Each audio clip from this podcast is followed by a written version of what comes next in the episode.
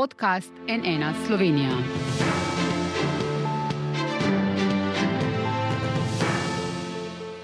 Dobr dan, to je NN studio. Kako gre tej vladi zdravstveno reformo? Kdo vse jo pripravlja, kje se zatika in zakaj? Potem, ko je proces priprave v svoje roke vzel kar premijer Robert Golop, vodenje strateškega sveta pa zaupal uglednemu kirurgu Eriku Breclju, prihajajo tudi prvi predlogi, ki pa so že trčili ob nekatere čeri. Prav tako zdravstvo še vedno pretresajo afere in sumi korupcije, nezadovoljstvo bolnikov, kot tudi zaposlenih v zdravstvu. To še vedno narašča. Dr. Erik Brecel, dobrodan, dobrodošli na NN. Eh, torej, strateški svet za zdravstvo, ki ga vodite, se sestaja vsak teden, vsak četrtek, zdaj že več kot dva meseca. Kaj ste do tega trenutka že pripravili in uskladili? Trudimo se, vse imamo ob četrtkih, pa tudi recimo danes eh, zvečer, jutri zvečer preko Zuma se dobijo pod skupine. Uh -huh.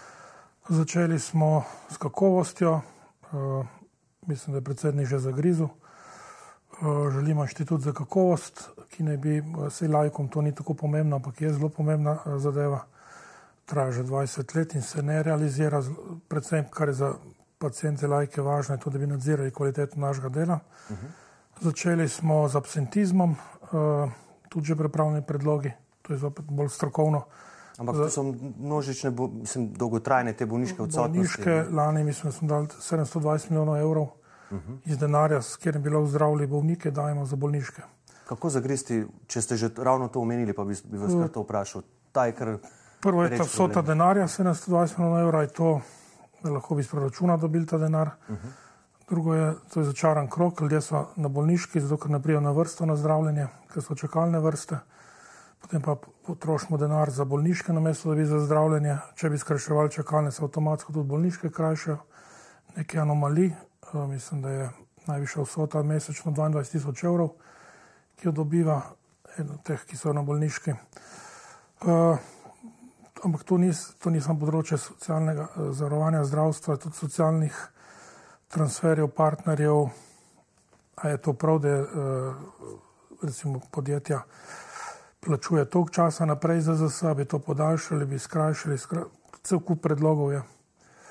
Ampak je kakšen, se pravičujem, je kakšen predlog že tako daleč, da je že usklajen, da gre lahko že naprej v, v fazo sprejemanja? Premijer je prejšnji teden v državnem zboru pojasneval prav o osnutkih zakonov o prenovi ZZZS in digitalizacije v zdravstvu. Lahko vsaj pri teh dveh zakonih zdaj že rečemo, da sta že nared, da boste šla že do konca meseca, je on dejal, da boste prišla v javno obravnavo. Se bo to zgodilo? Uh.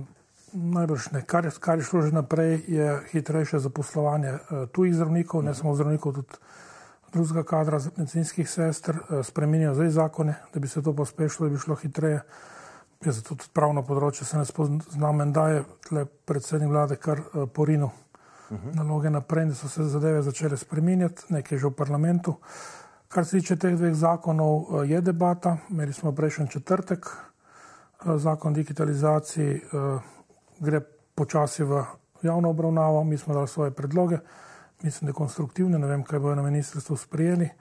Isto zakon z ZZS-ju, čeprav mogoče bilo bolj širši zakon sprejemati, ampak dobro, to se je minister odločil. Smo sprejeli neka skupna izhodišča za nadaljevanje tega. Ne. Ampak to, kar ste rekli, ne vem, kaj bodo na ministrstvu eh, sprejeli. Kako poteka v bistvu to usklajevanje zdaj teh uh, zakonskih predlogov? Kdo začne, kdo komu preda, kdo potem da? Mislim, vse nekatere procedure so v Sloveniji zelo jasne, ampak glede na to, da je strateški svet, ki ga vodite vi in sodi v bistvu neposredno v pristojnost predsednika vlade, vendar je nek nov dejavnik v tej zgodbi. Kako zdaj ti procesi v bistvu, če ste lahko dejavnik. malo bolj konkretno uh, potekajo? Te norosti, da bi predsednik vlade sprejel reformo zdravstva, uh, mislim, da sta dva v Evropi, v zgodovini za Evropske unije, to sta Rasmussen, ki je bil potem vodja NATO, kot danski predsednik, pa Golop. To si je dal uh, izjemno veliko odgovornosti in nalogo na svoje pleča. Lahko rečem, da drugi predsedniki vlad niso tako nori, da bi to začeli uh -huh. po, direktno pod sabo, to delajo ministri za zdravje, ki potem tudi nosijo posledice. Tukaj je pač predsednik vlade se tako odločil, mi smo odgovorni njemu. Uh, in tudi ne pričakujem, da bo ministr za zdravje deloval tako, kot mi želimo. Noben problem, argumente treba dati na mizo in se pogovoriti, važna je diskusija, debata, uh, kaj sprejeti naprej. Se pa ne delamo utvar, uh, ministr za zdravje ni dolžan nas 100% poslušati. Ne. Ja, ampak on je pa rekel, ne, takrat, ko ste eh, bili ustanovljeni, je rekel, kar bo strateški svet produciral, bomo na ministrstvu udejanjili. No, to je politična uh, izjava. No, vse ne more, vse ni človeško, da tako ne bo. Ne. Uh -huh, uh -huh. uh, mi imamo veliko prednost, veliko dobrih strokovnjakov. Uh, če tako rečem, če je pameten, nas bo izkoristil. Uh -huh. Ampak Če sem jaz prav razumel, vi zdaj pripravite nek predlog, to gre potem na Ministrstvo za zdravje in tam potem poskrbijo za tisto končno različico, ki gre potem na vlado in iz vlade v državni zbor. Uh, dobro, mi smo zdaj le dva meseca, tu nismo potrebovali nekaj časa, da to zalaufa. Za svoj minister dal svoj predlog, mi smo dali svoj predlog izhodišč. Uh -huh. uh, potem smo se usedli do prejšnji četrtek in pogovarjali. Eh, do tega še pridemo, ampak ker je neposredno povezano s tem, vas moram to seveda vprašati. Eh, takšne informacije imamo. Ministr Bešič Loredan bo odstopil, če ne bo prišlo do zbližanja stališč glede strukturne prenove Zavoda za zdravstveno zavarovanje. Sta na zadnji seji strateškega sveta, ki ga vodite vi, v njegovem imenu povedala državna sekretarja Tjaša Vidic in tedaj uh, Ostrc. Takšne imamo informacije, lahko to potrdite, to drži? No, zdaj zveni zelo tako. Uh grozeč, ampak ni bilo. Pač minister je rekel, če se ne bomo uskladili, nekako v tem smislu nima smisla, da se s tem trudi naprej. Res je to rekel, ni bil prisoten na seji, to sta ona dva prenesla, uh -huh. ampak ni bilo pa tako radikalno mišljeno. Aha, to je bilo bolj kot nekakšen. Uh... Poskus, da se stvari malo bolj premaknejo, ali kako, pač neka ne, grožnja. Bi... Jaz sem bil prepričan, ko, uh mhm. -huh. na to sem rekel, pač ni treba o tem govoriti. Torej, torej ne gre za res. Vse uh -huh. bomo sem prepričan, uskladili in dogovorili. Ne. Torej, ne gre za resno grožnjo. Pa mislim, da ne. Uh -huh, uh -huh. Uh, slišati pa je bilo očitke, da želi minister podržaviti uh, zdravstveno blagajno ravno pri tej prenovi Zavoda za zdravstveno zavarovanje. Ste tudi vi zaznali te poskuse v to smer ali je bilo to uh, predvsem neko koalicijsko napenjanje mišic? Kaj menite? Sigurno to, kar, kar govorite. Uh -huh. uh, ampak se, jaz v politične igre se ne bom spuščal. Uh, še lahko bi uporabljali ta izraz podržavljanje, ne v celoti. Ne. Minister si želi uh, reformirati ZZS, da bi boljše deloval. Mogoče v nekaterih točkah želel preveč nadzora politike nad ZZS-jem, uh -huh. ni pa šlo, da je šlo za neko privatizacijo, za neko discipliniranje ZZS-ja. No, mi smo tle bili manj radikalni na strateškem svetu, ampak na koncu smo se uskladili. Uh -huh. Kakšna je, lahko zdaj že kaj več poveste o tem, kakšna bo zdaj ta zadnja različica? To so izhodišča za organizacijo ZZS. To ni uh, tisto, kar je nam glavno vsebinsko, kako ne bi ZZS deloval, tu se še nismo pogovarjali. Aha. Predlog je manjša skupščina, vodijo trije direktori. Nekako bolj oklesli bi na to upravljanje ZZS. -ja. Ampak tisto, to je za politiko važno, ampak tisto, kar mi želimo v strateškem svetu, so pa vsebinske spremembe delovanja ZZZS-ja eh, do te točke pa še nismo prišli. Ampak vi kot predsednik, kakšnega ZZZS-ja si želite v tem strokovnem smislu? To, ZZZS-ja, ki bo ponudil vse, kar pacijenti potrebujejo, za tisto, kar za zdravje ne potrebujejo. Ja, sliši se enostavno, ampak v praksi eh, vidimo, da ni tako ni enostavno. Seveda ni eh, vprašanje, če ima dovolj denarja, vprašanje, če bi lahko deloval boljše. Ampak za me, pa tudi mislim za ostale člane strateškega sveta, je ZZS jedro zdravstvenega sistema in tista uh, deležnik, ki bo vodil in krojil zdravstveni sistem. In naš cilj je, da ponudi vse, kar potrebujemo bolniki. Zasebnih, glede zasebnih zavarovalnic ste vi v zadnjih letih nekoliko spremenili mnenje uh, uh, v smislu, da se ni, ni take potrebe, da bi se toliko ukvarjali z njimi, če vas parafraziram. Zakaj? Mi smo bliže ustanovljen strateški svet za javno zdravstvo. Uh -huh. Mi, jaz ne vem, kdo mi daje pooblastila, da bi se vem, z eno od privatnih tujih zavarovalnic ukvarjal. Uh -huh. Nas zanima javno zdravstvo in to, kar javno zdravstvo lahko ponudi. Um, mislim, da je še najbolj jasno uh, zavarovalnicam, ki imajo dopolnilno zavarovanje, da je to preživeto, da s tem se, nihče več ne ustraja, da to ostajane. Je pa vprašanje, kaj bo na trgu uh, z njimi, kaj bo ponujele. Ne znam vam odgovoriti, eh, predsednik vlade mi je pošteno povedal, najprej pripravite predloge, na koncu bomo videli, koliko denarja lahko damo. Eh, dejstvo je, da nekaj denarja bo treba dati iz proračuna, če bi hoteli eh, pokriti dopolnilno zavarovanje, pa še ob tem ne vemo, če bo to dovolj denarja. Zavarovalnice za njih ni potrebno skrbeti, one bojo našli svoj trg, svoj prostor na trgu. Bolj kot bo javno zdravstvo šipko, ne ponujalo tistega, kar bolniki potrebujejo, bolj bo rasli privatne zavarovalnice. Tega se enostavno ne da preprečiti, niti zakonom prepovedati. Naš cilj je, da bi javno zdravstvo ponudilo čim več, tako da bi privatne zavarovalnice se morale dosti bolj potruditi, da bi ohranili svoj delež na trgu na bilo, kojem, bilo katerem področju. Je pa se pravi, mislim, da je dopolnilno zavarovanje mrtvo, ali se s tem z njim ukvarjamo ali pa ne. Je pa seveda na področju privat zavarovanja veliko vprašanj, ampak to ni naš problem. A pa je za vas, doktor Brecel, to optimalno, da se neki ključni predlogi z področja zdravstva, zdravstvene reforme v Sloveniji pripravljajo večtirno, bom rekel tako, na več koncih. A se vam ne zdi, da je to morda, ker na koncu potem obvelja četrti ali pa peti predlog ali pa nobeden od njih, se na koncu najde šestega, a ni to potem na nek način zguba časa. Že tako imamo kar akutne stvari, ki so se nakopičile v zdravstvu, mi pa zdaj več tirno, oziroma ne mi, ampak pač tisti, ki, so, ki ste nekako za to poklicani imenovani, se pač pripravljajo uh, usporedno več različnih stvari. Je to optimalno po, po vašem? Primeren pomislek, uh, sicer tudi ko so se pripravljali ukrepi enotirno, uh, to smo priča 30 let, uh, je problem, ker se več tirno sesujejo. Uh -huh. Uh, situacija v javnem zdravstvu ni normalna. Težko potem prečakujete normalne zadeve. Kar mene skrbi, je, da je težko realizirati predloge, tudi če so dobri, uh, pa predvsem rušenje z vseh strani. Uh -huh. uh, mi smo vsi za reforme, dokler se ne dotaknejo na mene samega, potem pa nisem več za reforme. Interesov je ogromno, uh, javnih, prikritih, skritih, inavskih in to me skrbi. Uh, drugače pa. Seveda bi raj eh, želel, da sem, pa, če smo v strateškem svetu, kar damo od sebe, da predsednik vlade uresniči, realizacija je problem, eh, ampak se pa zavedam, da je to ne moramo prečakovati. Ne.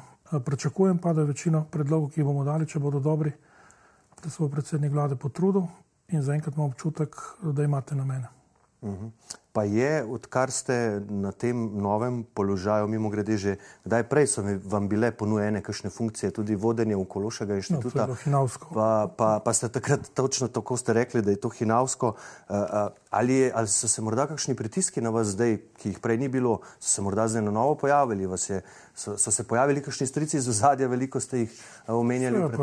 Želijo razno razne sestanke z mano. Aha. Taki ljudje, pa tudi dobro namerni ljudje, predlogov je veliko, uh, tega naštejem, to, kar so mi zdaj ponudili, neštejem tistega, kar so mi na Onkološkem inštitutu. Uh mhm. -huh. Takrat je bilo potrebno pokriti svinjarije uh, Ivana Zidarja, SCT-ja. In so mi šele, ko me je ministrica vprašala, če bi to sprejel, kar je iluzija, ker so dobro vedeli, kaj bom jaz zahteval novčene bančne garancije. Ni, takrat politika tega ni smela izvesti. Šele, ko sem ji rekel, ne je rekla javno, da mi je ponudila. Uh, mislim, Seveda so pritiski, so, so tudi strani ljudi, ki govorijo o javnem zdravstvu, eh, pa se borijo za javno zdravstvo, ampak imajo odprte SP-je, v katerega iz, zato, da iz javnega zdravstva šolstva na njihove račune preteka denar. Eh, so ljudje, ki iskreno želijo javno zdravstvo izboljšati, eh, mogoče kdo od njih ne ve kako, ampak važna je želja. So ljudje, ki jih skrbi, kaj bo tudi na področju zavarovalništva razumljivo, mene bi tudi, če bi bil direktor zavarovalnice. Interesov je veliko, ampak se bram, to ne jemljem kot problem. Problem jemljem to, če realizacija naših sklepov ne bo. Mhm. Pa lahko koga od teh, kar ste zdaj ravno kar omenili, poimenujete? Od teh ljudi, ki očitno ne, sej... imajo neke interese, ste rekli, v javnem zdravstvu, pa še zraven. Pa to, kot ste rekli, lahko koga, koga imenujete? Ne, ne, se, ne, ne, večino najemnem kot slabo namerne, pač ti pa je poskušajo. Ne. Uh, iz, mene, jaz želim sodelovati z ljudmi, ki imajo iskren namen, neko javno zdravstvo narediti, ne pa da jim je javno zdravstvo blagajno. Uh -huh. uh, je bilo pa prvih deset mesecev mandata ministra Bešiča Loredana kar zelo bil, uh, burnih, uh, ogromno kadrovskih menjav na ministrstvu, očitki o neprimerni komunikaciji, dvakratno javno upravičilo županu Jankoviču zaradi neresničnih izjav. Vi ste bili takrat do tega zelo uh, kritični, se spomnim. Uh, poslabševanje razmer v zdravstvu, pomisleki v koaliciji, je po vaše gospod Loredan še vedno tisti, ki bo lahko kot minister rešil vse te probleme? Ne poznam človeka, za katerega bi lahko rekel, da bo rešil te probleme. Uh -huh. Lahko rečem, da se bo trudil, ne vem pa, če, če je kdo, ki jih je sposoben rešiti. Vsekakor tega sam ne, bo, ne more narediti, potrebuje podporo vlade, podporo vseh koalicijskih partnerjev. Uh, ni, ni treba govoriti, da potrebuje podporo predsednika vlade, mm. ministra za finance, uh, težko je. Uh, bom tako vprašal, ali ste še v tako dobrih odnosih, kot ste bila očitno uh, v preteklosti? Ali je ta, bom rekel, ta preizkušnja tudi za vas nekaj novega uh, v življenju prinesla tudi neko ohladitev vajnega odnosa? Mi dva nikoli nismo bila v dobrih odnosih. Mi dva, uh, pač jaz na področju zdravstva ni prijatelj. Ali si za te spremembe na pozitivno ali pa nisi. In tle ni eh, prijateljskih odnosov. Tle je pač, eh, če delaš, delaš, če pa ne delaš, eh, pa povem. Ne? Mhm. Kje pa trenutno vi, vem, da je težko verjetno izbrati eno stvar, ampak trenutno vidite največji problem v slovenskem zdravstvu, kaj je najbolj akutno? kaj ni. Uh mhm. -huh. Mi smo zbrali javno primarni nivo, veliko se ukvarjajo s tem skupina za primarno zdravstvo vodijo eh, moj sošolc Egon Stopar, direktor zdravstvenega doma Ajdovščini. Zelo resno so pristopili k temu. Pripravili so več kot 70 predlogov, kako začeti izboljševati uh, primarni nivo. Izhajajo predvsem iz praktičnih izkušenj. No, v četrtek eh, pojutrišnjem bomo obravnavali prvi sklop, mislim, da bo sedem predlogov, ki jih bomo nesli predsedniku vlade in prosili, če se jih lahko realizira. Uh mhm. -huh. Tudi z področja digitalizacije zdravstva morda? Eh, digitalizacijo smo obravnavali četrtek zakon, uh -huh. dali smo svoje predloge, ki mislim, da so dobri. Eh, tle se dr. Kolarjev na ministrstvu zelo trudi. Uh -huh. Zdaj, jaz sem povedal, da ni treba, da vse upošteva, ne vzame tisto, kar je dobro, ampak sam prav digitalizaciji dajem res velik poudarek. Mi marsikaj govorimo, ne imamo pa podatkov, ne znamo upravljati ustanov na, podla na podlagi podatkov sistema in to se počasi začne urejati. Ja, uh, ravno to je bilo moje naslednje vprašanje. Ne? Vlada namreč ogromno pričakuje od digitalizacije. Tudi strokovnjaki z tega področja so prav danes na razpravi na MČM-u izpostavljali točno to. Profesor na ekonomski fakulteti Matej Črnej je do njima upozoril, da je treba vse kadre motivirati, da bi lahko uporabili tehnologijo, ker glavni pri digitalni preobrazbi so ljudje, ne pa tehnologija. Se s tem ukvarjate, kako bi lahko to dosegli, da bi ljudi motivirali? Ljudje so kar motivirani, zdaj malo smo štorasti. Uh -huh. to, ta digitalizacija je problem vseh porah življenja, kako se uvaja. Začutiti morajo, da je to dobro, ne? da je to koristno. Ko smo na mojem oddelku uvajali, smo bili kar proti nekaterim spremembam, danes si pa ne znamo predstavljati, da brez tega ne bi šlo. Ampak potrebujemo podatke, obdelave podatkov, uh, ukrepe na podlagi podatkov. In to se začela, začenja spremenjati, eh, recimo ZZS ima podatke o bremenjenosti zaposlenih, eh, ki se jih ne vem zakaj ne realizira, ne eh, uporablja za analizo sistema. To se zdaj počasi začenja in upam, da na podlagi teh podatkov bomo končno začeli govoriti o dejstvih, ne pa samo o občutkih. Ja, predvsej prahu je dvignila vaša odločitev, da na seje sveta ne boste več obili predstavnice inicijative Glas ljudstva Katarine Rotar. Tam pri glasu ljudstva pravijo, da gre za vašo samovoljno odločitev, da je bila gospa neenako obravnavana, da je bil nivo vaše komunikacije nestrokoven, celo da je šlo za verbalni obračun. Kaj točno se je zgodilo, zakaj se vam udeležba predstavnice inicijative na sejah strateškega sveta ne zdi primerna? Noč nimam proti njej osebno, jaz niti ne vem, kdo je ta gospa in kaj počne v življenju. Uh, jaz nimam časa se z glasom ljudstva ukvarjati. Uh, ogromno ljudi si želi, da bi se ukvarjal z njimi, pa nimam časa in tudi z njimi žal ne bom. Jaz pa vaše oddaje letim domov, pripravljam se bom za večeren sestank strateškega sveta, jutri grem v službo, uh, niti ena operacija zaradi mojega dela ne bo odpadla v strateškem svetu. Popovdne jutri bom prišel domov, se bom spet ukvarjal. Uh, imamo sejo prek Zuma s strateškim svetom, s podskupino četrtek je strateški svet in jaz se s profesor Kebrom nimam časa ukvarjati. Ona ni bila članica uh, strateškega sveta. Uh, tudi uh, moje prvo vprašanje, ko mi je predsednik vlade ponudil sodelovanje v strateškem svetu, je bila bo Dušan Keber noter. Uh mhm. -huh. Rekl je, ne, tu bi moj, moj pogoj, da sodelujem. Uh, ko bom šel ven iz strateškega sveta, bom bolj natančno pojasnil, zakaj tako mislim. Jaz želim, da na, pa kar na večini sej sodelujejo samo tisti, ki nosijo odgovornost. In to so člani strateškega sveta. Uh, dovolim, da so noter uh, tudi predstavniki koalicijskih strank, ki tudi oni nosijo odgovornost. Če vsi skupaj ne bomo nič naredili, bojo oni to plačali na volitvah. Ne dovolim pa, recimo, eh, na zadnje, eh, ko je bila razprava z ZSJ-ju, da so prisotni ljudje, ki uh, imajo interes, da dobijo te informacije, jih nosijo ven. Uh, ne, pa tudi, če tega nimajo, uh, to so težke debate, to so debate, kjer ima lahko kdo težave v službi in zato zahtevam, da so vse zaprte. Ampak še vedno mi niste v bistvu odgovorili, kaj vas je tako izmotilo pri, pri tej gospe, pri da gospe, je bila na začetku vabljena, zdaj pa že dvakrat ni bila več valjena. Nisem jaz vabil, proti gospe me ni nič zmotilo. A to je potem kabinet predsednika vlade uh, vabil? Uh, vabili so druge, verjetno z mojim soglasom, moram reči, se ne spomnim, ampak jaz te gospe ne poznam.